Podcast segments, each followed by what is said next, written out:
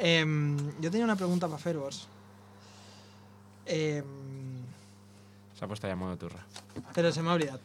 Silencis. Mm, eh, Eh, eh, per favor, anem a deixar els es un poquet de banda. Podem? Voleu que passem a... O... Ai, m'agrada. Cada vegada que diguem... Eh, eh, per, perdó. O... o. I el, pro- el proper podem passar a la U. U, cada programa un I... Ah. Podem fer una E o E. Ah. Una E A E. oh, oh. murcianica. Vale. Murcianica. Pija. Bueno, vale, pega la intro o qué? No, va, dale. cuando comprendimos nosotros que probablemente pudiera llegar el momento de que fuésemos absolutamente vencidos, nos unimos en aquel momento, lo que no tengo vergüenza en decir, lo que tengo orgullo en confesar, los reyes de la pistola obrera de Barcos. Vivíamos y actuábamos disgregados, pero hicimos una selección. Los mejores terroristas de la clase trabajadora.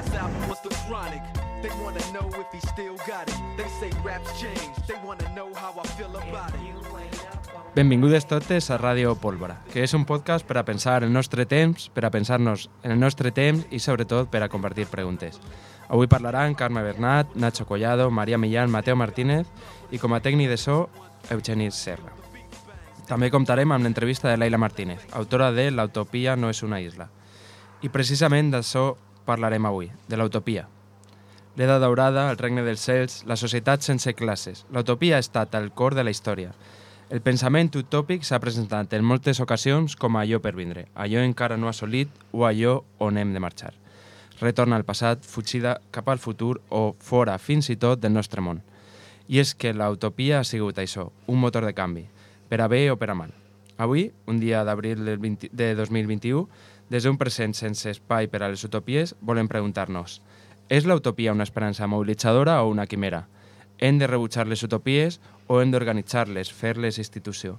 És la mancança de pensament utòpic un problema o un descans? Estan per inventar-se les utopies per al segle XXI?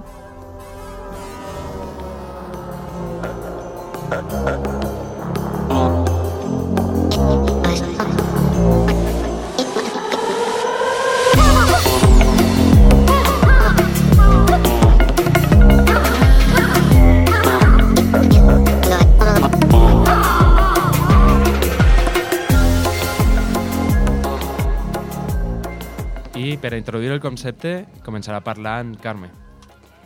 Hola, bueno, jo volia començar avui el podcast parlant o explicant què és això d'utopia. Utopia és una paraula que es pensa que va estar acunyada per Tomàs Moro al segle XVI i es pensa que pot tindre un doble significat o que pot referir-se a dos paraules en grec. La primera és utopia, que és no lloc. Ou no i lloc pues, eh, fa referència a topia. I la segon, el, segon, el segon significat és utopia, bon lloc. Sí, d'Eugeni. eh, per tant, comencem ja llançant que estem davant d'un tema ben complex, però a mi també em sembla molt apassionant, o m'ho ha semblat estos dies llegint sobre això. La primera idea és que utopia és una paraula de paraules. Eh, com diu Marina Garcés, ho explicava per al concepte de llibertat, que és una paraula plena de lluites. Eh, per tant, el color o el significat que ha de tindre requereix d'un debat col·lectiu que crec que és ben complex. Ens fa referència a una pregunta social molt complexa, eh, però també molt concreta, que ens interpel·la directament i que requereix de, de, de tota aquesta discussió no? col·lectiva.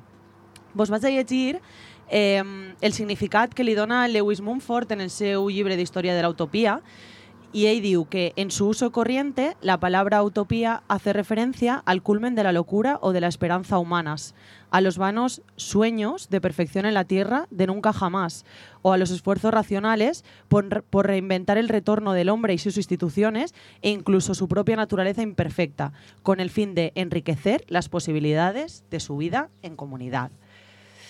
Clar, jo crec que inicialment ja podem treure dos significats que són ben interessants.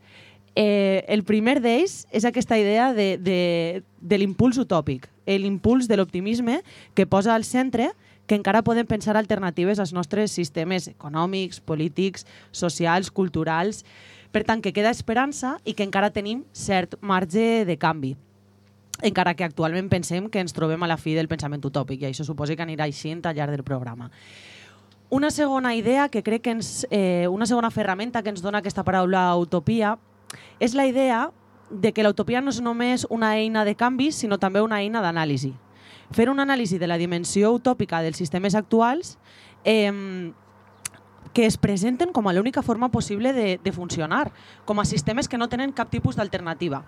Josep de Jacques, que és un uh, utòpic del segle XIX, un dels primers anarquistes, deia que totes les idees innovadores van ser utopies al seu naixement i que no només el temps les va fer entrar, que només el temps les va fer entrar al món d'allò real. Per tant, tindre clar que, que els sistemes actuals, per exemple el capitalisme, van ser utòpics en algun moment. I això és, ens ho explica molt bé eh, Carl Polanyi, que suposa que Nacho ens tirarà una bona turra sobre el tema, eh, en el seu llibre de la gran transformació. Per tant, l'utopia és un instrument per comprendre que les nostres estructures sociopolítiques tenen una dimensió històrica i que van ser un projecte ideal als seus inicis abans de ser hegemònics com són en l'actualitat i de triomfar, com per exemple el neoliberalisme. Per tant, ninguna societat pense que es coneix lo suficient si ignora les alternatives que, que existeixen o les sendes que hi ha al marge del seu propi camí.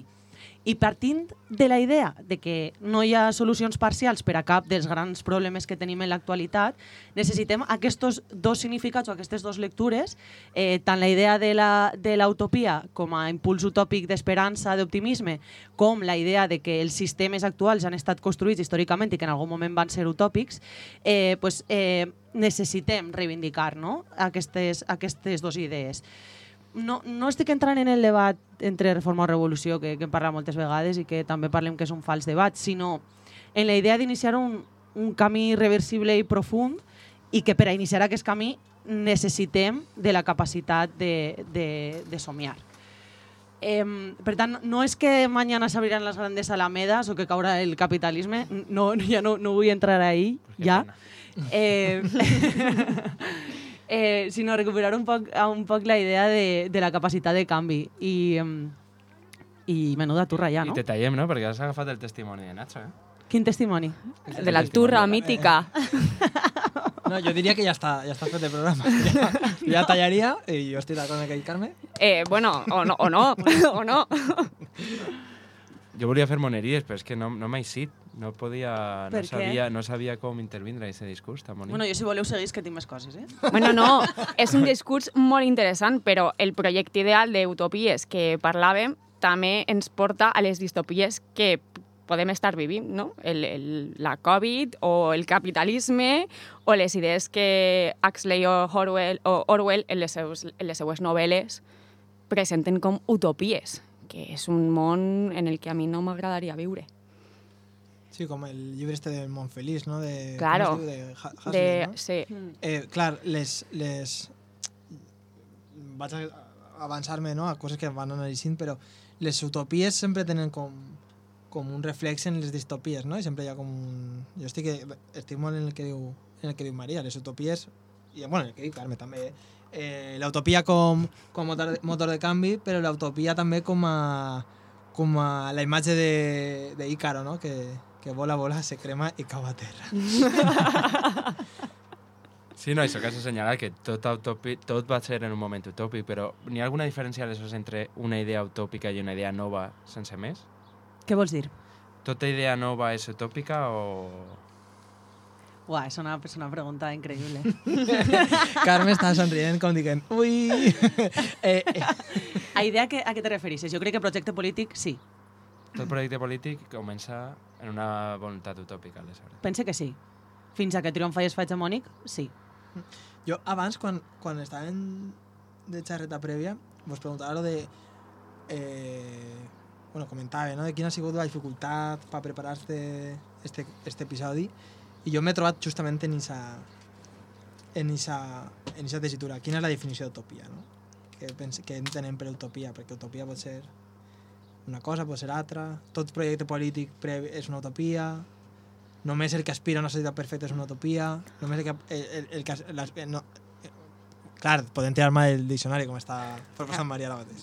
Per favor, pro- procedéis. La RAE, que bueno, podemos estar más de acuerdo o menos, dice utopía que es un plan, proyecto, doctrina o sistema deseable que eh, parecen de muy difícil realización o una representación imaginativa de una sociedad futura de características favorecedoras al bien humano. És que ahí està lo de utopia o, o utopia. És allò que no existeix o allò que és bo que existirà, no? Sí, com posant-ho al futur o eh, en la seva materialització. Estic dient tonteries ara mateix. Ha passat una moto i ja... Me M'he desconcentra. ido. Con la moto. Sí, no. Eh, jo crec que és, eh, ens porta un poc a la, al títol de, de la isla, que després l'entrevistarem, que Utopia no és una isla. Eh, ostres, jo, jo em preguntava, quan, quan m'estava preparant les intervencions, si quan una utopia triomfa ja deixa de ser-ho. I segons la, la definició de Lewis Mumford, sí. Clar, aleshores eh, definim utopia com a projecte.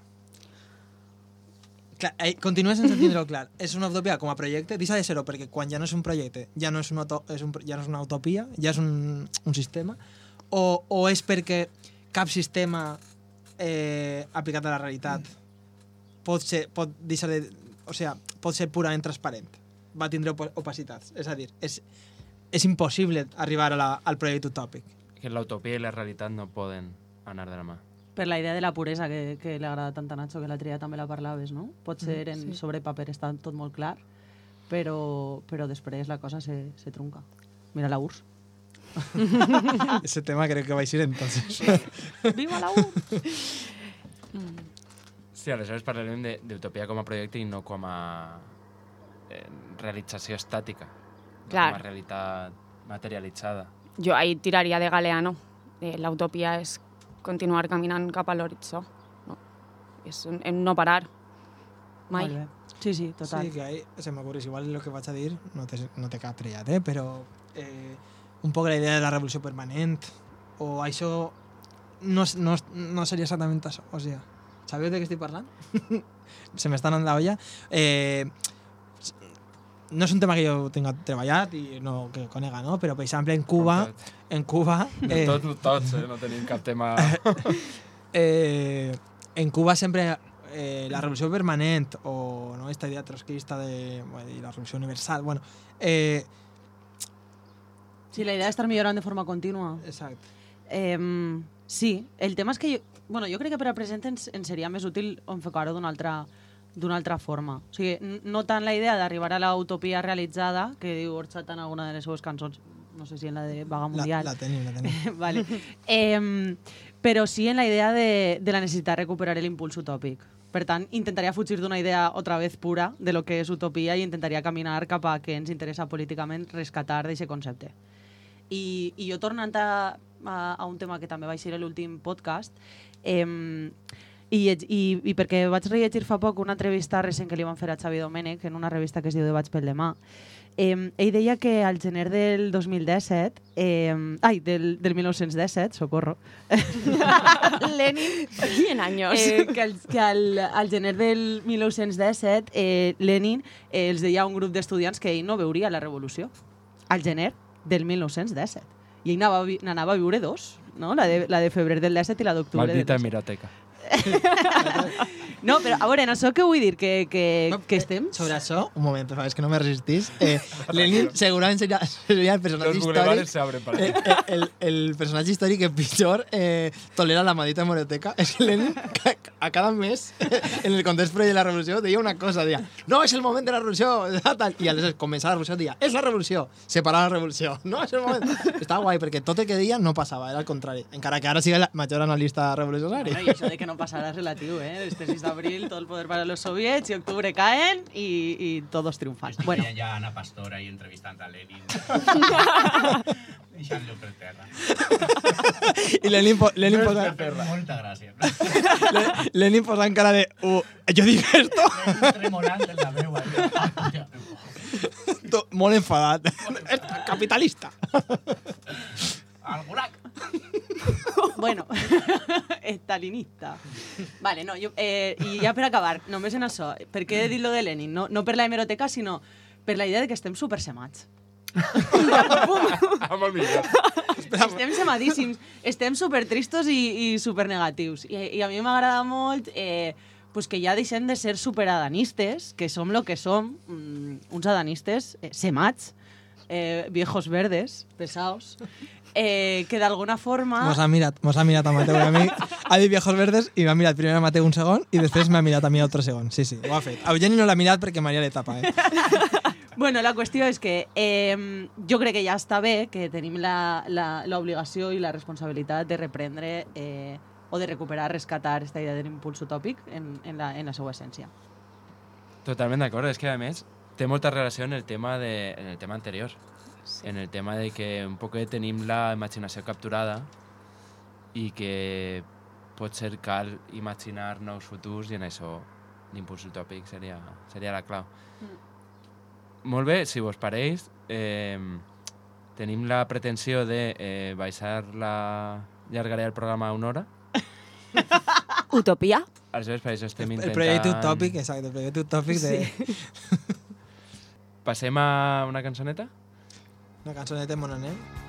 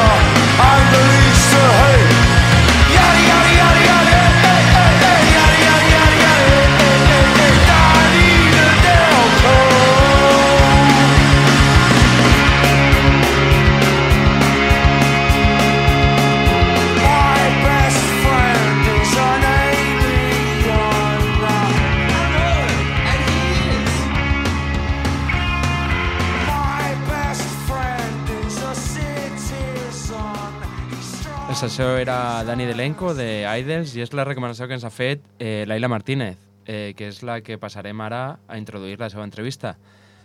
Laila Martínez és eh, editora i traductora en antipersona, escriu també sobre música en El Salto, els articles són molt recomanables, i en el 2019 fa també, eh, va publicar un llibre sobre la gestació subrogada en Pepitas de Calabaza.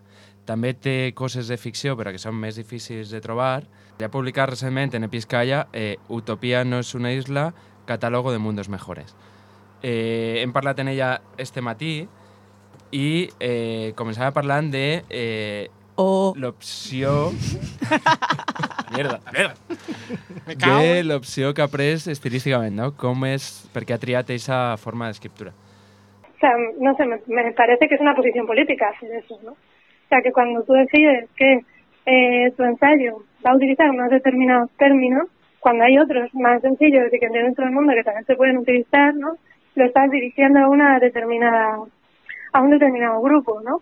Y generalmente, pues, dentro de la academia, que, que como ya sabemos, pues tiene pues, problemas de clasismo, problemas de patriarcado, problemas de, de no muy muy blanca y, y claro entonces al final como se, se genera conocimiento pero se queda en unos círculos muy concretos no pues me parecía un poco o sea es algo que a mí me preocupa mucho y también ya que viene de la editorial no tanto de o sea no tanto de lo que yo escribía no entonces no quería hacerlo así o sea que I l'entrevista ha estat molt llarga, estem una molt llarga i molt interessant i estem posant només un, fragments. Després le preguntava sobre quina és la seva definició d'utopia i des d'on partís com a fil conductor en el seu treball. El término utopía también ha tenido muchos muchas connotaciones negativas dentro incluso del propio, de la propia izquierda, ¿no? O sea, pues cuando Marx y Engels eh, se, se den- denominan a lo que hacen marxismo científico, lo hacen, ¿no? Para distinguirse de lo que ellos llaman, ¿no? El socialismo utópico y lo llaman así negativamente, ¿no? Y, y claro, eso o sea, es un término complejo. O sea, yo intento coger más bien como una definición amplia, en el o sea, como que no demasiado cerrada ni demasiado, ¿cómo diría? Eh, no, como muy, eso, ¿no? Como que, que dé cabida a distintas cosas, porque creo que es más interesante, sobre todo en el momento en el que estamos. Eh, que sea un poco, hablar un poco más de horizontes utópicos, de impulsos utópicos, por ejemplo, que de sociedades perfectas. Esta idea de la utopía, que es muy del siglo XIX, ¿no? De em, la utopía como una sociedad perfecta donde ya no hay conflicto, todo el mundo eh, se porta bien, eh, todo el mundo tiene su sitio en la sociedad y no lo cuestiona y no y todo funciona de forma armónica. Eso que es una idea de la utopía como muy edémica, ¿no? Como que viene mucho del Edén religioso. Eh, yo creo que eso es incluso contraproducente, ¿no? Pensar eso. Que, que es más, eh, más interesante pensar un poco en lo que decía Galeano, ¿no? De, de la utopía siempre como el horizonte al que ir, que siempre está a dos pasos más allá por muchas cosas que consigan, ¿no? Pero que funciona como impulso para avanzar. Jo sobre això, eh, uah, és que em sembla superinteressant. Esta idea de, la, de, de, de com se contraposava la idea del socialisme utòpic en la del socialisme científic. I potser té a veure en, en les grans corres de pensament que van néixer a partir del segle XIX. Una que de vegades ens oblida és la del cientifisme. El cientifisme crea com una nova realitat o una nova veritat fonamentada en, en, en idees compartides per, per eh, comunitats de científics. Això fa que la societat cada vegada més es vaja volcant la seva forma de legitimar-se, les seues veritats o les seues idees en, en la ciència. Això d'alguna forma també és incorporat dins dels socialismes i, i volen contraposar no? una nova veritat que és científica, que per tant li dona un, un major pes o, o més empaque i això fa que d'alguna forma tot el que no és científic no? queda un poc al cajón desastre, que també és un poc... Eh, també té la seva idea negativa el tema de, del cientifisme, sobretot pel que fa al gènere, perquè crea noves veritats de polarització sexual bestials fonamentades en noves eh, teories sexològiques mm, sobre què ser una dona, què ser un home, mm, fonamentat en una veritat científica, que és una cosa molt heavy. Però bueno, m'estic anant molt del tema. La idea de, del cientifisme dins del, del socialisme i dins del socialisme científic. De, de esto, fa poc estava llegia unes conferències superinteressants que recomano des d'ací a tot el món de- d'Antoni Domènech, que, que parlàvem Carmello abans, que en la facultat, de- una facultat argentina, argentina o sigui, estan, en internet se troben. Són tres conferències i bueno, estan transcrites. Eh, I justament parlava d'això, no? de per, per què Marx tenia com este rebuig tan gran de parlar de com seria la seva... Eh, què ser, com seria el socialisme, no? Marx té una, una crítica i un anàlisi molt bèstia de la situació actual, del encetament del capitalisme, de la teoria del valor... Bueno, però, però era molt reaci a parlar de, de què, és, què és la societat socialista, la que en principi deia que era el següent, la següent eh, etapa no? eh, històrica o no històrica, perquè després també hi ha debat sobre si era historicista o no era historicista. Però... Socorro! però, però, però e e efectivament la, el seu rebuig a la idea utòpica, a desmarcar-se dels socialistes utòpics, le, le duia no pensar en com seria l'altre, no? I també per este costat eh, igual és una pèrdua, no? No, no tindre un, un futur, encara que a vegades, a vegades este futur, en, sobretot en el, en el DNU, les teories del socialisme, eh, socialisme utòpic, pues, eh, eren un poc utòpiques, idealistes, sí. no utòpiques en el sentit roïn de la paraula. Sí, sí, sí. sí. En aquest sentit, el llibre de Laila està molt bé. El subtítol és eh, Catálogo de mundos mejores i és molt interessant perquè partís des d'experiències des de que naixen en la ficció en el segle XV i eh, acaben experiències actuals en Rojava, en la Índia, en Filipines, en casos a vegades menys coneguts. No? I sobre això també le preguntava per què aquesta selecció de casos i per què és que ha triat i què ha deixat fora i per què. Era más interesante como centrar centrar la mirada como en esos impulsos utópicos que, que desarrollar mucho cada caso, ¿no? una cosa así. Sobre todo los que más me costaron seleccionar fueron los cuanto más se acercaban al presente, ¿no? Porque, claro, también muchas veces eh, eso son impulsos más que, como más que utopías propiamente dichas, o sociedades mejores propiamente dichas, ¿no? A veces es simplemente, el criterio fue más seleccionar como los, como los proyectos ambiciosos, sobre todo eso, cuanto más se iba acercando al presente, ¿no?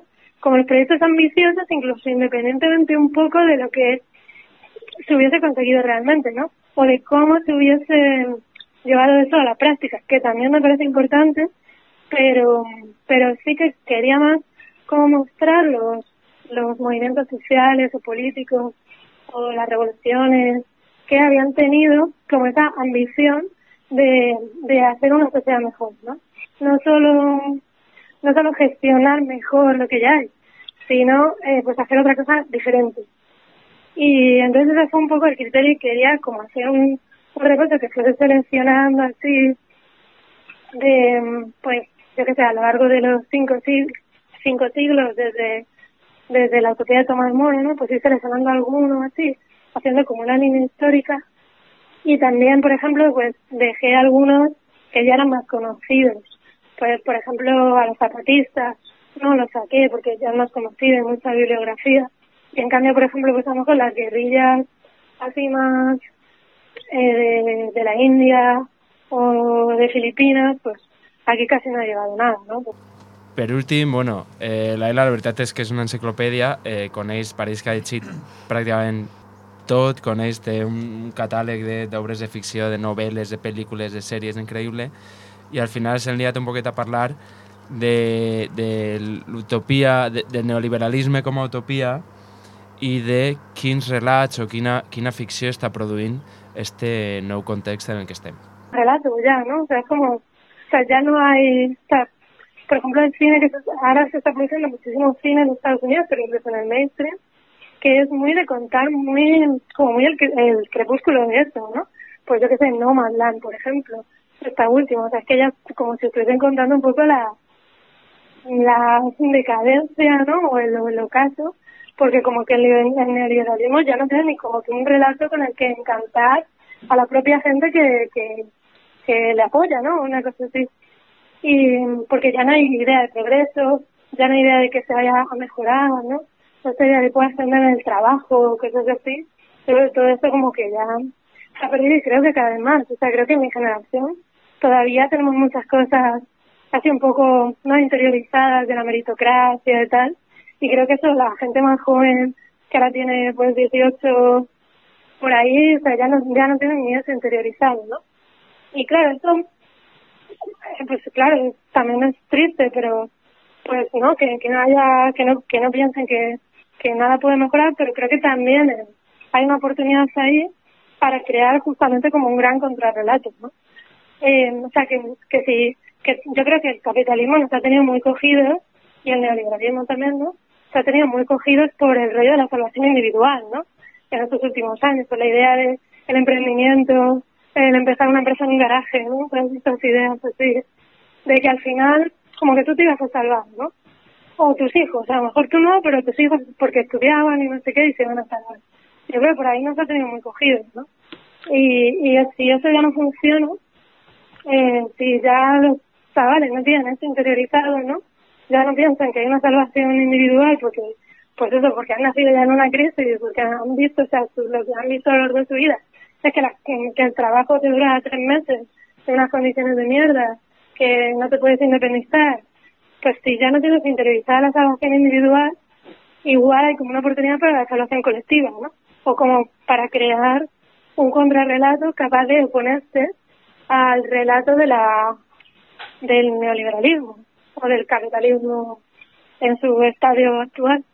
Y no sé, yo igual, claro, sí me- igual soy optimista, también por eso he escrito el libro Utopía, ¿no? Pero, pero, y por supuesto, eso, que eso pase, dependerá del trabajo político que se haga, ¿no? Porque también eso puede ir hacia el cinismo y hacia el, ¿no? El nihilismo absoluto y cosas así, pero, pero yo creo que al menos hay como una oportunidad ahí en decir, en generar un gran contrarrelato, ¿no?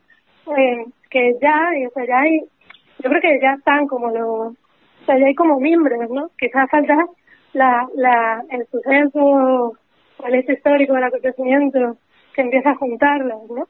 Pero, pero sí, o sea, yo, yo veo, yo sí veo que, que hay como oportunidades. Publicarem una ampliació de l'entrevista més endavant, farem un tall i, i perquè l'entrevista és molt llarga i ha estat, bueno, hem parlat de molts temes i estaria bé, eh, així només agafem algunes pinzellades.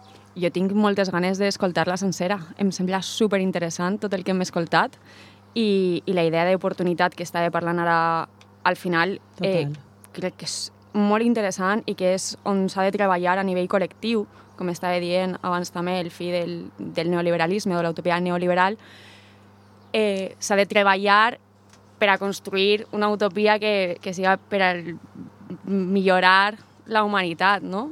Clar, i utopia que necessita també de projecte polític, no? que no ve caiguda del cel i que, com estàvem dient abans, té, és una paraula amb moltes significats i en moltes lluites dins.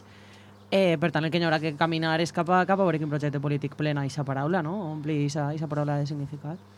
Sí, bueno, eh, a mi m'ha interessat molt eh, un moment que, que l'Ela deia, quan parlava de projecte polític, no? de hem de carregar, bueno, el, el neoliberalisme està, està acabant com a, com a projecte discursiu, com a hegemonia cultural no? o, o mental, i deia, però veurem què passa, no? L'important és el projecte polític que, que atorgue un nou relat, no? I a, això me llega molt, en- m'ha resonat molt en alguna cosa que César Rendueles eh, sempre parla de, és que no sabem què va passar després del capitalisme. El capital, sabem que el capitalisme no ens agrada, però ja, i què, què va passar? I que el neoli- neoliberalisme s'està esgotant, però què ve després? Mm. Ahí és el, el, fonament, lo, lo fonamental d'un projecte polític emancipador. No, no farem des dels moviments eh, emancipadors la revolució, però sí que hem de, de proporcionar-nos relats. No? Jo crec que això és justament la tasca de, de la gent autoorganitzada. Sí, al final sempre parlem un poquet, parlem un poquet de- d'això, d'omplir i ser buit. Total. Sí, sense oblidar la ficció i després que, que precisament aquest ventall d'escletxa d'oportunitats pot ser agafada en qualsevol sentit. Com estava dient Nacho, que, Agorero. que no, no, però bueno, que eh, l'utopia del- d'altres pot, pot ser la nostra distopia. I Mhm. recordem el Tercer Reich o altres tan bonics, que Mhm. també eren, ut- eren utopies. Eh, Estoy teniendo un déjà vu con el de la derrota. Ja veus. Clar, al En final, realitat est- estem parlant de rato de lo mateix, no? sempre caiem en els relats comuns, no? En, però, però és... com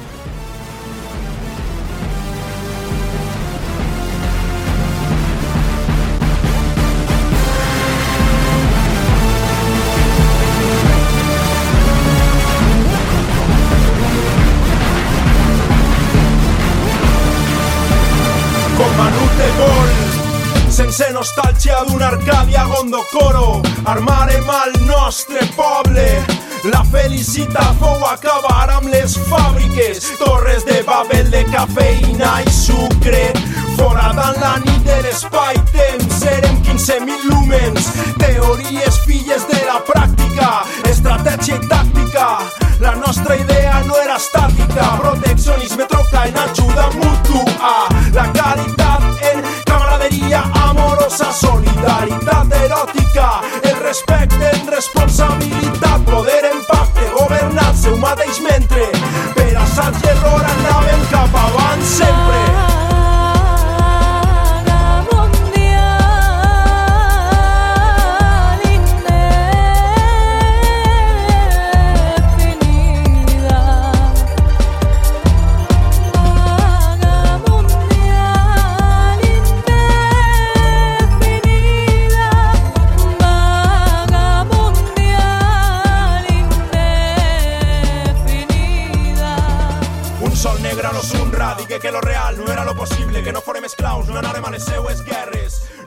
escoltant una, una cançó meravellosa, utòpica, eh, es diu Vaga Mundera Indefinida, és d'Orxata Sound System, eh, un dels millors, no, el millor grup eh, de música valenciana, sense dubte. Totalment d'acord. I ara, al fil del que estàvem parlant abans, passarem amb Nacho, que ens volia parlar de Polanyi i neoli- neoliberalisme i, i no té vergonya en clavar-nos una altra vegada a Prometeo i la mitologia. Sí, efectivament. Eh, penso que és fonamental rastrejar no, els orígens del pensament en, en, en la construcció no, de com s'ha fet el pensament. Eh, el, però no sé molt bé com introduir el, el que jo volia parlar, que al final és que estic dient, no? de, de Polanyi, no? Polanyi com, com retratava el capitalisme i, i que pensa que, que va encertar eh, plenament no? de la mercantilització com a projecte polític. Però, bueno, bàsicament hauria de- d'encetar, de, no? Tenint en compte que, que conceptualitzant utopia com i això no, no ho hem dit, però pues, ho, ho dic jo perquè necessito dir-ho per, per poder... Porque sí. perquè necessito que siga així. Pa, que, Para hacer un que salto mortal. no? Però vaig a proposar Utopia com a projecte que, que revela contra, contra els límits, que, uns límits que genera el sistema o que genera unes opressions, no? I la distopia seria els projectes que revelen contra els límits que són antropològics, no? Anem a deixar-ho així. Per què? Bueno, perquè sí, anem a deixar-ho ahí i ja està. Porque me da la. Eh, Por clar. I això eh, lliga molt bé en, en, en el relat mitològic de, de Prometeo. Prometeo sabeu que va ser eh, el titán, un, un personatge mi- mitològic El que va... titán. El titán! que, va, que va furtar el... Bueno, va enganyar eh, en un moment donat a Zeus, Zeus va enfadar, va castigar a la humanitat sense foc, i, i, Promet, i Prometeu se va, re, se va revelar un poc no? contra esta, este càstig i, i va furtar el foc als déus i li ho va donar a la, a la humanitat. Això va, li, va, li va provocar que, que els déus s'enfadaren en ell i que le castigaren a que tots els dies li menjaren el fetge. va, No? Això és horrible. Què passa?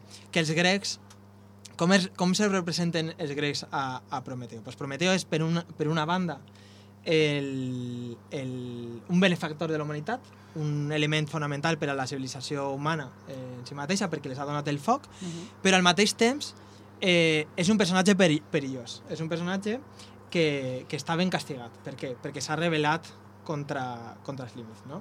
És el- el- l'equilibri, no? De està bé revelar-se contra els límits, és perillós revelar-se contra els límits, no? Utopia, disto distopia. Els grecs això eh, tenien un concepte, eh, aporten un concepte que es diu la idea de, de la ibris, eh, que és molt interessant, perquè és la soberbia o, o com sí, no? la, la, la, la soberbia de qui es, es revela contra contra el comú, no? contra el sentit com, comú, podria, podria ser, val? des d'una perspectiva eh, eh, individual. I això, totes les societats capitalistes eh, eh, s'alertaven no? davant l'individu que es revelava contra el que era el sentit comú o, o, o el que ells ent- entenien que eren els límits de, de, de la societat. Això, si ara l'agafem a, a Polanyi, Polanyi eh, esta, explica que el capitalisme no és més que un, un projecte utòpic com podien ser altres de, del DNU, no? que la, la diferència que se va imposar. El projecte utòpic és que la, mercan la mercantilització de tots els aspectes de, de la vida humana ens conduiria a un temps, a una època de pau i prosperitat, perquè si tots teníem interessos eh, mercantils en tots els aspectes de, o cada vegada més aspectes de la vida, no podrien haver, hi haver eh, conflictes. El capitalisme podrien llegir-ho com la ibris, però no de l'individu, sinó de la societat. No hi ha límit, no hi ha cap límit. No? El capitalisme és justament això. No tenim cap límit com a societat, podem extraure els, re- el, tots els recursos, podem aportar tot el consum que, que siga. I, I això és molt interessant veure com altres projectes des de, de l'esquerra no? l'han assumit com la manca de límits. No? Com per exemple el socialisme del segle XXI, no? com són projectes que no han tingut cap cura en, en, en, en, este, en el concepte de l'extractivisme, no? de, la, de la manca de la, de la, de la manca de, de límits. Així que jo tenia com, com alguns, algunes qüestions que em preguntava i que a més em feia, em feia lligar-ho, no? Com eh, en, el, en el capítol, en l'episodi anterior de, de la derrota, que acabaren parlant de la idea de la conservació, no? de, de el ser conservador com, com una cosa també que podia ser revolucionària o, o emancipadora, no? En, en alguns, bueno, o no emancipadora, No Però- dissimules que ja vam dir que érem un programa de conservadors. Exacte, exacte, estic insistint en, en la idea.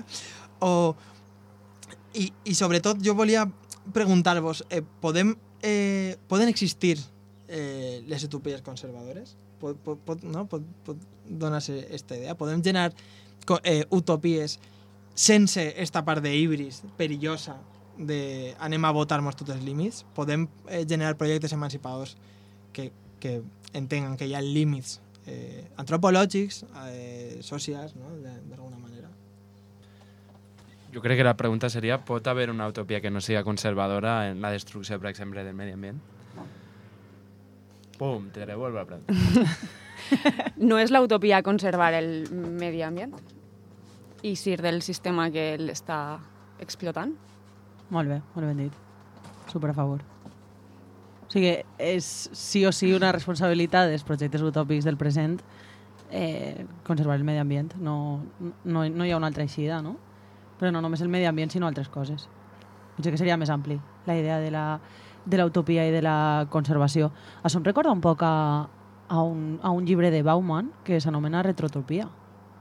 Eh, esta, esta idea de, de la retropia retrotopia, socorro, molt difícil de dir, eh? Retro- Retro- Retro- de la retrotropia de, de traure altres elements del passat que puguen servir per al futur, precisament en un temps que ja vam parlar en un règim de temporalitat que mira tant cap al passat, pues bueno, la idea d'extraure coses del passat per a projectar el, el futur utòpic i per tant la idea de, de conservar certes coses del passat i del present per, a, per al futur. Ho discutia amb altres col·legues i dient, però bueno, és que sempre estàs en el mateix, estàs molt pesada con la memòria, és que és... Eh, bueno, eh, però, però bueno, jo crec que sí o sí, eh? No pense que hi hagi una altra eixida. Hombre, les utopies també tenen molt de, de recuperar aquelles, aquell, aquelles coses que no s'han acabat de fer o que no s'han no s'han guanyat en el passat. Sí. Sí, de recuperar principis, idees que mai van ser perquè van ser eh, aturades. Clar, a mi em resulta molt interessant, eh, llegant en el que esteu dient, esta idea de hem de, hem de forçar, hem de, hem de posar en qüestió eh, els límits eh, que ens genera el sistema en quant, com a opressions, però, però hem de tindre molt, molta cura en trobar un equilibri en què, en què este, este forçar estos límits no sigui també forçar eh, pues, el medi ambient, però també eh, les necessitats antropològiques, no? com per exemple emocions humanes, com pot ser, bueno, passions humanes, no, no sabria de dir, eh, pues, l'emoció col·lectiva, les passions col·lectives, no? que a vegades com que, que volem generar projectes eh, en el que la raó siga com un element eh, pur i net, que sempre estem, no? o sigui, sempre estic en aquest tema i, i oblidant que, que moltes vegades som éssers emocionals, eh, sentimentals, o per exemple eh, la idea de l'amor, no? la idea de l'amor, volem, a vegades pareix que vo- volem barrer, eh, agranar del món eh, eh, la idea de l'amor eh, o, o, o dels llaços eh, familiars, per exemple, no? o, o coses així, sense... Eh, i quan dic eh, agranar no, no em referís a, a, a reformar o, o a millorar o a criticar, no? sinó dic agranar, que desapareguen. No? No, Em sembla superinteressant. Bueno, després ja parlarem de, de l'amor com a idea, però les emocions són necessàries, però fins a quin punt les emocions són una construcció que està fora del sistema? O, o, són, o les emocions també formen part d'aquesta ficció en la que vivim, que és el neoliberalisme? Mm, ja ara quan en un ratet parlaré de, de l'amor i, de, i de la idea de l'amor i utopia dins del sistema en el que vivim i és una pregunta que, que crec que ha d'estar en el debat perquè a lo millor les emocions no són tan reals o originals com pensem i són també ficcions del sistema en el que vivim. Va, super d'acord. A més que com a que se construeixen històricament, col·lectivament, lingüísticament, per tant tampoc podem fugir eh, d'això en com ho sentim. A mi m'agrada molt una pregunta que has llançat, Maria, que era com mm, la idea esta de, de que precisament l'utopia present seria mm, com una altra volta la idea de, de conservar d'una banda i de, i de conservar el medi ambient, perquè eh, el capitalisme el que pretén precisament és agranar tot el tema que estàvem dient de, de les relacions, d'allò comú, de la natura. Per tant, una rebel·lió seria de nou frenar això i, i tornar tornar també a l'arrelament a la terra i, i allò que aprenem també, per exemple, de les dones grans dels nostres pobles o, o fins i tot així a la fresca i xerrar allí tranquil·lament, no? Sí, això és molt important, però també hem d'anar amb molta cura en el greenwashing, que ara està, estem patint totes, mm -hmm. i ara tot és supereco, supergreen i, i bé, i fins a quin punt, no? Mm. Jo, sobre el que deia Maria, eh, a mi em, em pareix un, un temazo, perquè, eh, clar, la és veritat que el capitalisme s'ha fet seues moltes passions, o sobretot diria que ha aprofitat eh, passions i emocions que igual podrien, podrien dir que antropològicament sempre han existit o que, no? que són pròpies de... Algunes sí, algunes no, però eh, el capitalisme, i això és, eh, el que explicava el que explicava Polanyi, que era el seu projecte, no? com agafar en totes aquestes passions, en de, de, la vida, introduir el mercat. El mercat com un... El mercat, per, no? és com un exemple molt paradigmàtic. El mercat... Eh, eh, moltes, moltes societats precapitalistes eh, ex- existia el mercat, no? I era una cosa en la que existia el mercat com un element marginal de la vida social. I era un element que no era, eh, no era roïn, era un element que estava ahí i que aportava un valor social.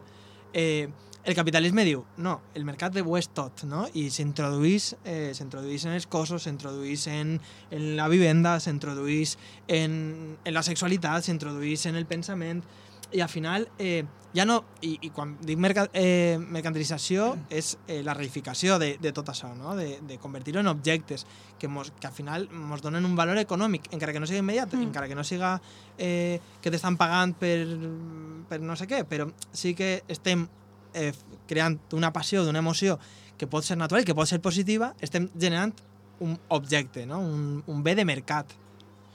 No, no, jo, si vols, ja comencem en, en l'amor i, i l'utopia i la mercantilització de totes aquestes emocions, però... Això seria un poquet la, la definició que has donat tu de, eh, de distopia, allò que va contra els límits antropològics i també en allò emocional, també en les emocions. Ja que se posem així tan suavets, posem una cançó preciosa de Pau Babé i comencem a parlar, Maria, de l'utopia romàntica.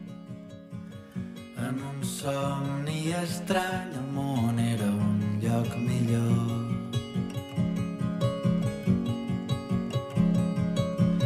Ningú plorava mai d'impotència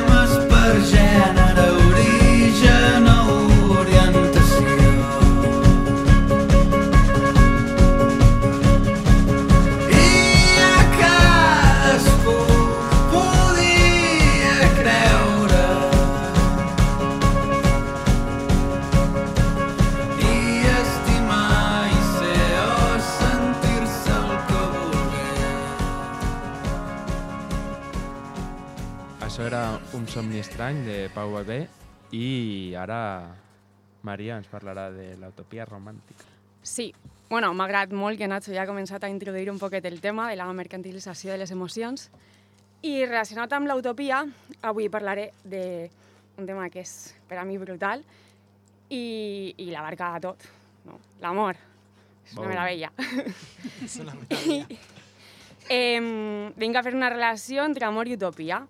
L'amor romàntic és una utopia, un anel compartit, i totes, bueno, jo diria que totes les persones que conec, continuem caminant cap a aquesta utopia.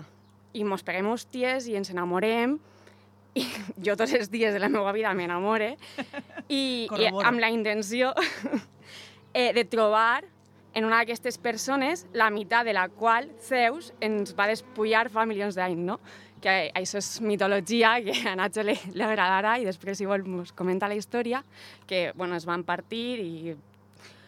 El mite de la mitja taronja. Però, bueno, és l'amor aquesta utopia per la qual ens tornem locos? És una addicció que ens enganxa? Que, què entenem per amor? I per què és una utopia compartida?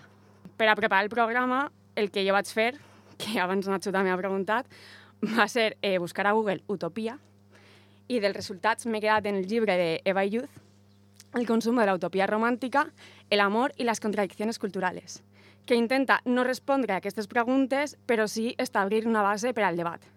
M'he quedat en Eva Youth perquè sóc superfan i l'amor és un temazo, com ja he dit, però me podia haver quedat en una sèrie que vaig a recomanar així a tot el món, que és eh, Utopia Experiments, de 2013, que està en filming i és una meravella, els colors són brutals i la trama està molt relacionada en el moment distòpic que vivim. També un altre resultat que me va encantar va ser, va ser el disc de Romeo Santos de 2019 que es diu Utopia i si algú té algun dubte és de amor i desamor. Eh, escolteu alguna cançó perquè són unes lletres que no tenen cap tipus de desperdici. desperdici. Jo no, jo no coneixo. no, no ¿De qué palo va eso? Romeo Santos, una propuesta indecente. Esta noche te seduzco en mi coche, que se empañen los vidrios y la regles que goce. Pero que, hola. Esta, esta gente no ha tenido juventud. No, vivimos en otro mundo. Sos. Bueno, cuando Nacho leía Rousseau, la gente iba a discotecas light y tal. eh, bé, bueno, eh, vas veure la sèrie, escoltat el disc i m'he llegit a Eva Youth i segurament me deixaré moltes coses del llibre, però, però podria portar el llibre i llegir-los durant cinc episodis del, post, del podcast perquè és brutal. En fi, el que fa Eva Youth en el llibre és conceptualitzar els vincles entre emocions, cultura i economia, estudiant el conjunt de pràctiques culturals que creen l'ideal de l'amor romàntic i com aquestes pràctiques, diu Youth, legitim legitimen la idea dominant d'idealitzar i portar a la pràctica l'amor. És a dir, que l'amor és el que ens fan creure què és l'amor. De, al final, definir és limitar, ¿no? Y a partir de las definiciones culturales es donde se crean los mundos. Això està molt lligat a la, la cultura del consum i de l'oci. Els estudis de Youth demostren l'estret vincle entre els diferents eixos d'unió entre el romans i el consum i que agafa diferents formes simbòliques en la cultura postmoderna, com la contemplació de la naturalesa, la naturalesa els viatges o les experiències. Ve a dir-nos que les relacions, sobretot la part del cortejo, que abans s'emmarcava en l'esfera privada, es basen en el consum d'experiències. Ens parla de la mercantilització del romans, la romantització dels productes o experiències que es venen com a ideal d'amor, especialment els viatges, però també eh, eixir a sopar, fer regals, concerts, etc. I analitzant imatges, que és el que, bueno, en el llibre analitza imatges, revistes, pel·lis, cançons i fa entrevistes. Estudia com les concepcions de l'amor es solapen amb el món dels clichés i les imatges que ella denomina l'utopia romàntica, una utopia que ja viu en l'imaginari col·lectiu i es basa en les representacions que uneixen les activitats econòmiques i amoroses en rituals d'amor. Al final, estar enamorat o viure un amor és viure un conjunt d'experiències junt a aquesta persona que hem escollit. I, bueno, a mi personalment tot això m'encanta anar-me'n de viatge, veure l'atardecer con el ligue de turno i, i consumir constantemente. Vamos a decirlo. Ens agrada anar a sopar a llocs bons, anar de concerts i de viatges, que, que l'anem a fer i, i enamorar-nos. I sí, no, pues un poquito. Que Tot esté el mal. conjunt d'experiències que caben en Instagram. Y lo que no cabe también. Luego el narcisismo es otro tema, ¿no? El narcisismo es... Però, bueno, què ens està dient Youth en tot això? Que si l'ideal de l'amor està estretament relacionat amb els diners, els béns i les noves tecnologies d'oci, això també reorganitza les identitats de classe entorn a aquesta nova definició de l'amor. És a dir, que l'amor és classista. Per si algú tenia alguna duda. I aquí una cosa molt curiosa del llibre, que me va, me va sorprendre molt, a més de les retall, dels retalls de revistes i alguna entrevista i tal, són cançons de principis del segle XX, vale? quan tot això va començar, segons diversos autors, a perpetuar-se en els mitjans de comunicació. Eh, aquests autors ja temien que el romanç s'estiguera convertint en una mera invenció de Hollywood i que la ficció romàntica reemplaçara el verdader, el verdader amor que és un poc també el que defensa Eric Fromm en el seu llibre, molt recomanable. Quan el romanç passa a l'àmbit públic, hi ha un parell de lletres de cançons de 1924 que representen superbé aquest canvi. No he trobat les cançons i m'encantaria haver-les escoltat, però deien coses així com Ray can get a girly because he doesn't have a car if you can a girly i després alguna cosa com Drive Back. Bueno, dit, Nacho? Què ha dit? no? classes d'anglès. Estic molt emocionat i no puc, Ja, ja. no, no puc traduir-lo ara ràpidament. Bueno, que, que és que hi saben, eh, bàsicament, de que no tenien diners i com no tenien diners no podien lligar en ningú perquè no tenien cotxe o no podien convidar a ningú a sopar. Clar, això a principis de sèrie, després... És que, és que hi ha una cançó que crec que està en un disc d'Ovidi que, que diu mare, compra'm un tractor perquè les xiques del poble no volen que jo llauren mula, no? I me pareix brutal perquè, perquè és un poc semblant, no? Que, que, per favor, compra'm un tractor perquè no puc eh, lligar si tinc que anar en la mula a llaurar. És que, és que és aixina. Ara ja no es nota, no, no hi ha aquesta diferència tan gran, perquè la democratització de l'oci i la postmodernitat fa que, que tot el món tingui un accés desigual, però un accés a, a l'oci. Però a principis de sèrie, pues, ja ahí estan les cançons.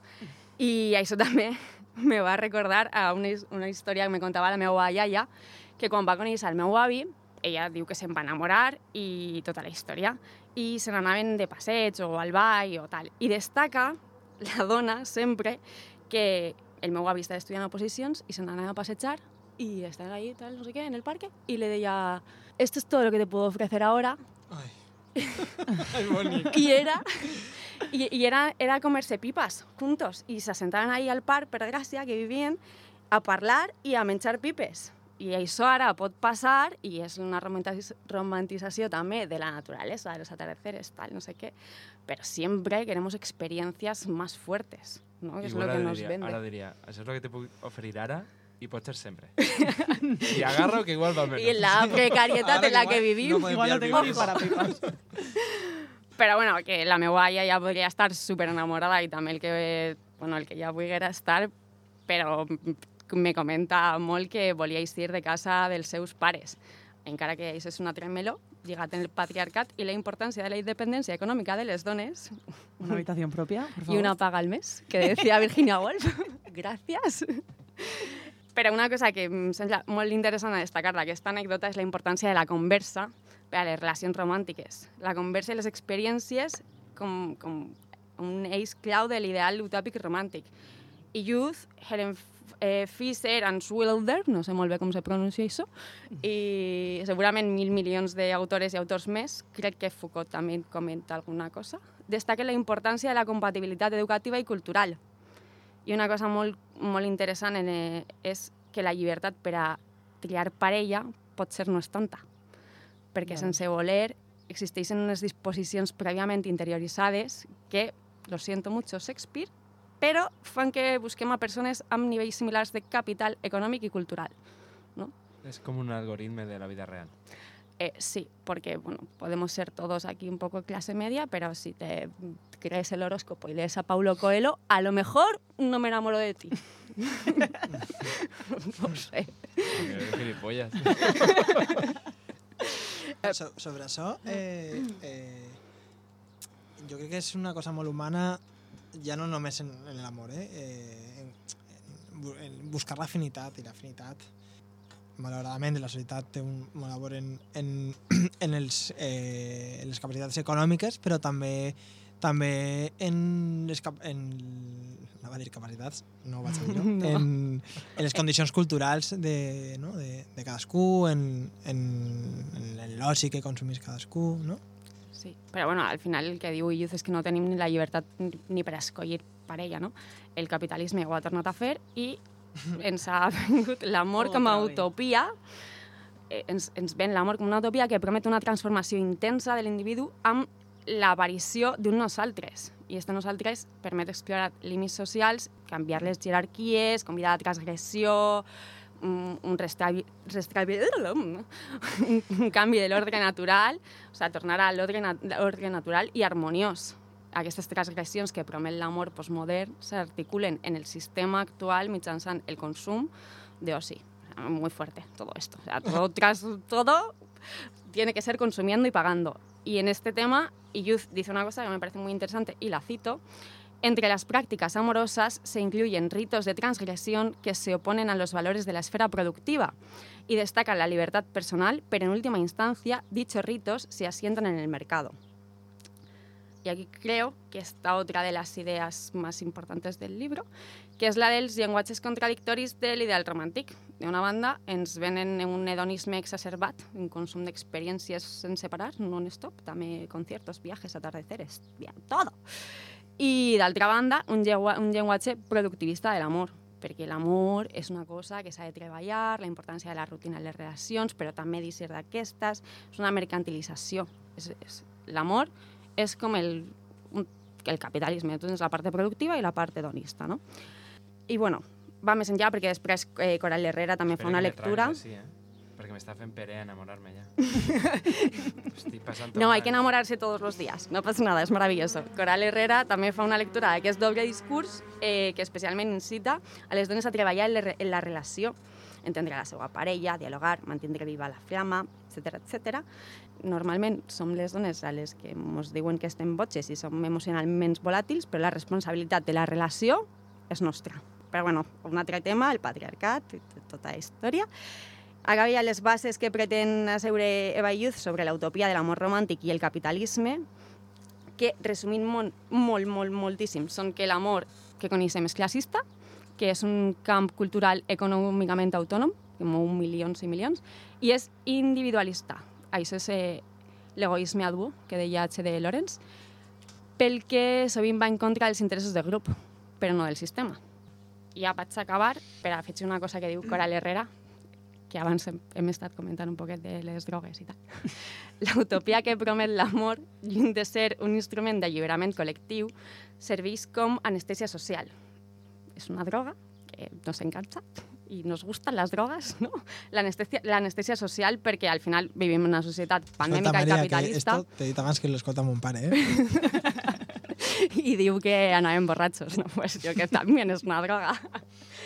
Però bueno, no? que d'algu- d'alguna manera hem de- d'aquesta societat pandèmica i capitalista i ens encanten les drogues i l'amor és una promesa d'utopia que pot ser mentira, però és una ficció que convida a la transgressió i que és meravellosa, a lo millor quitant aquesta part consumista que promou el sistema neoliberal, però continua sent meravellosa i me'n recordo l'última vegada que vaig anar a Barcelona que n'hi havia cartells per el Raval que deien desconquistemos el mundo, mi amor, i és una mica això al que aspirem quan ens enamorem, no?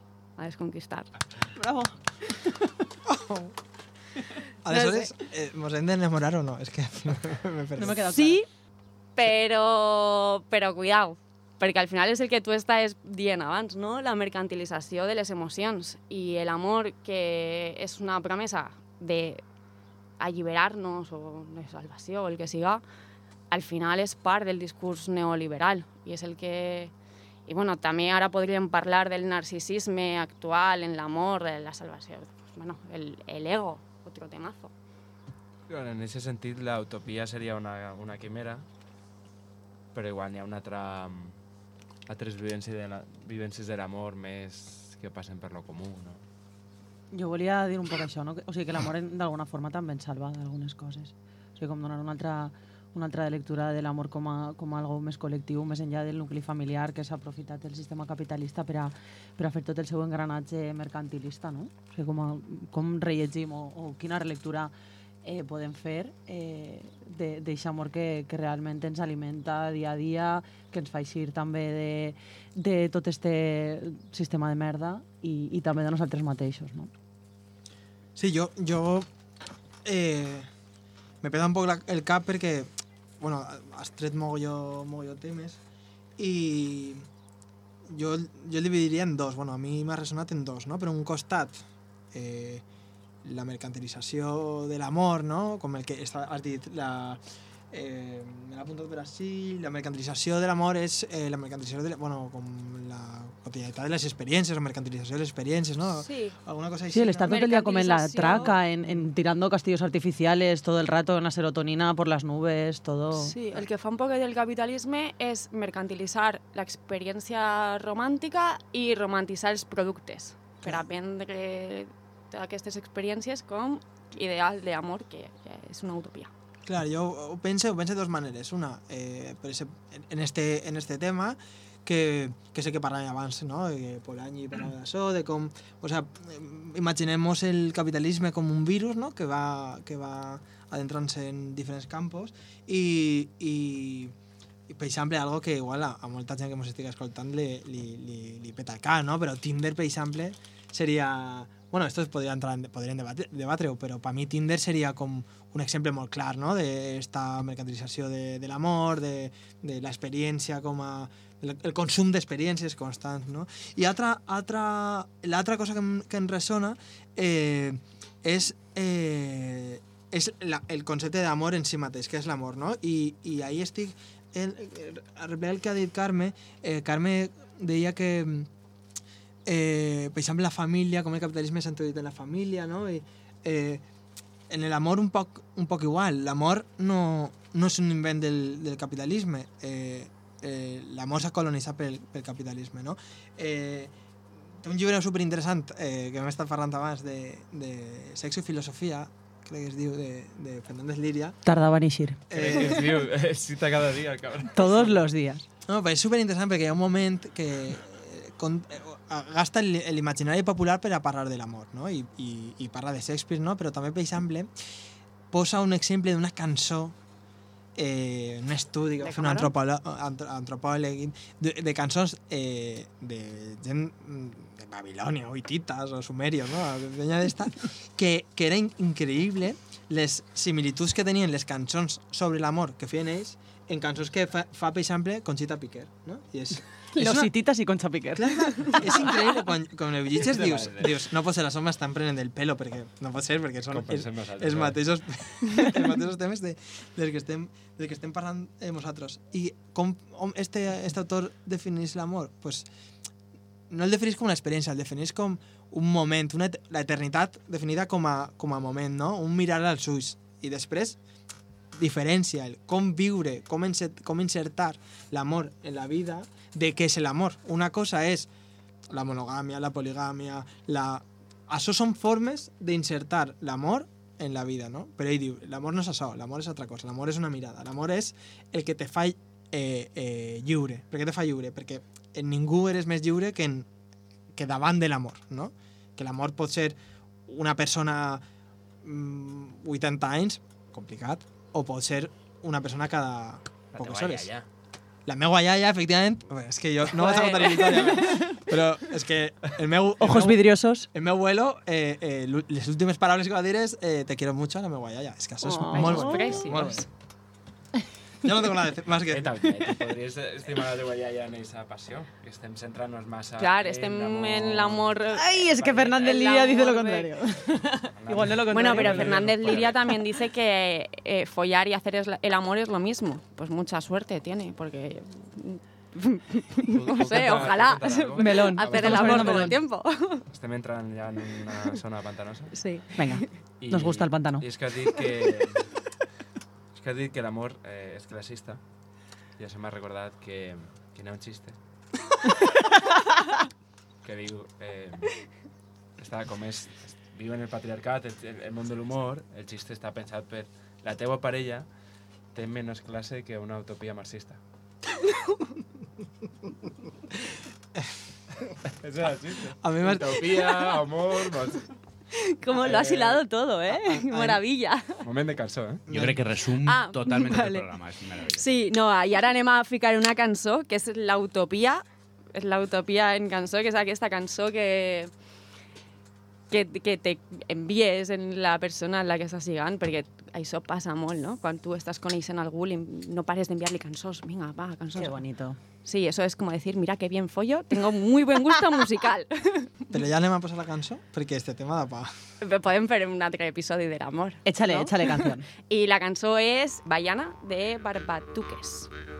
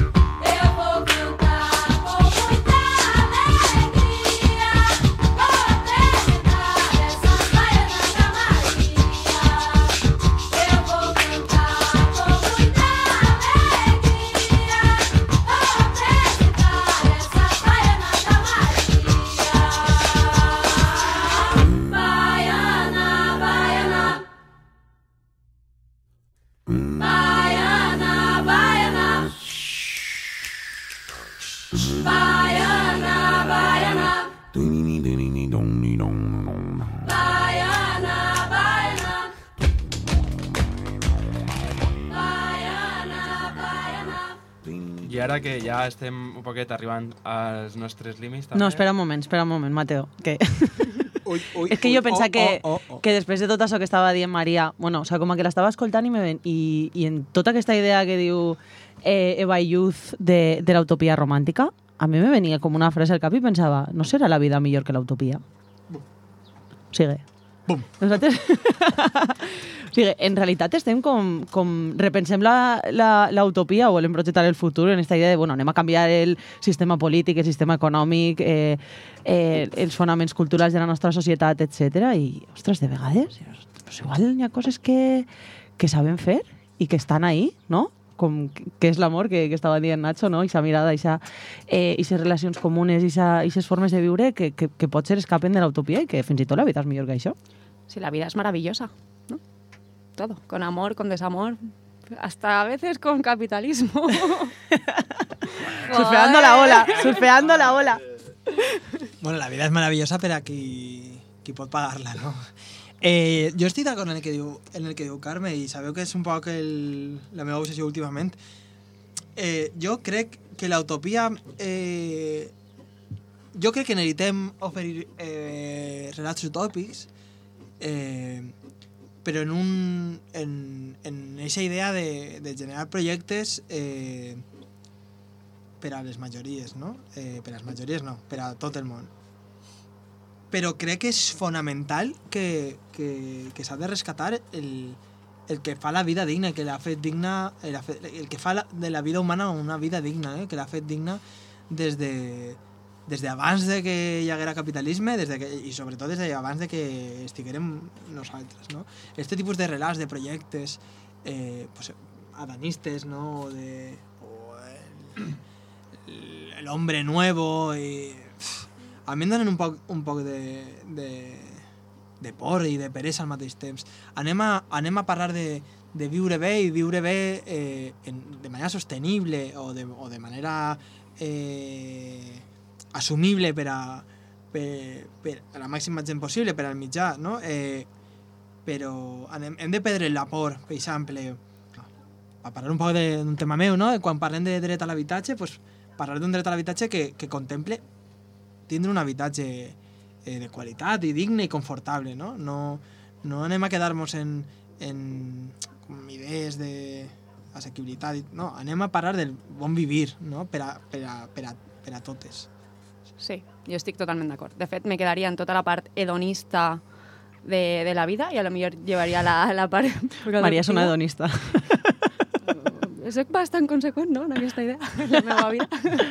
Sí. I, I de gaudir de la vida i de disfrutar de la vida, de l'amor i d'enamorar-nos tots els dies, que és una meravella, i, i de gaudir. I sempre tenir, ten, buscant l'utopia i anar cap a millor, però sense ser adanistes i buscar la perfecció aquesta. No? Anar cap a millor, però disfrutant el que tenim, també, molt important. Dins de, dels límits antropològics. No? Jo crec que també que, que hem de- d'agafar allò que té l'utopia d'expectativa, de potència, i, i començar a, a construir, construir utopies realistes per a, per a l'ara. No? Utopies realistes. Molt bé. D'això no s'ha parlat, eh? Estamos todos eh, ahí arriba, pero ¿y qué pasa en les utopies realistes? El fem de dues hores? Sí. No, no, no, no, no, no. no. Allarguem, allarguem. Bonus track. No, no, totalment, totalment. Eh, eh, Bueno, meravellós, no? Ja, EO, E, O, A. O com no podem tancar, o... tanquem ja... Voleu que fem tots un... Podem no Om, om, i ja està. Fem uno Vinga. col·lectiu de- d'espiritualitat. Om. O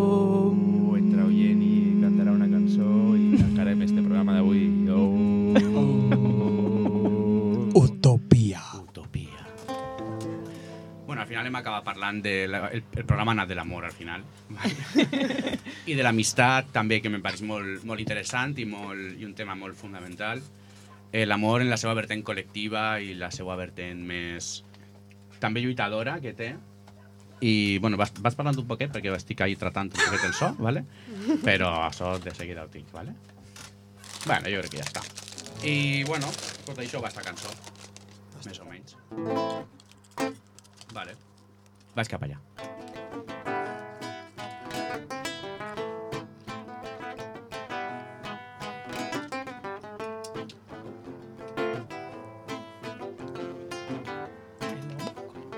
La cançó és en castellà per a que vegeu que va, que va en sèrio, ¿vale?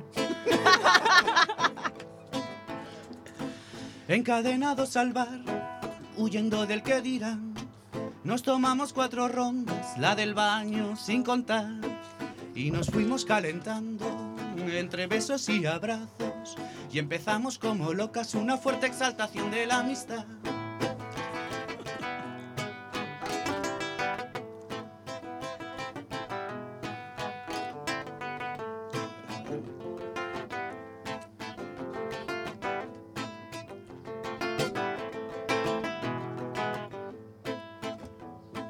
La amistad es fundamental si nos queremos cuidar.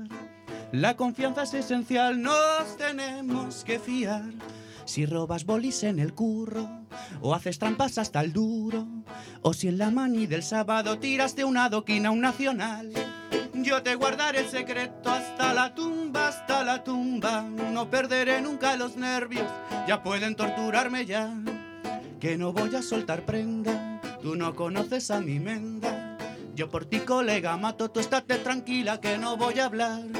Yo por ti, colega, mato, tú estate tranquila que no voy a hablar.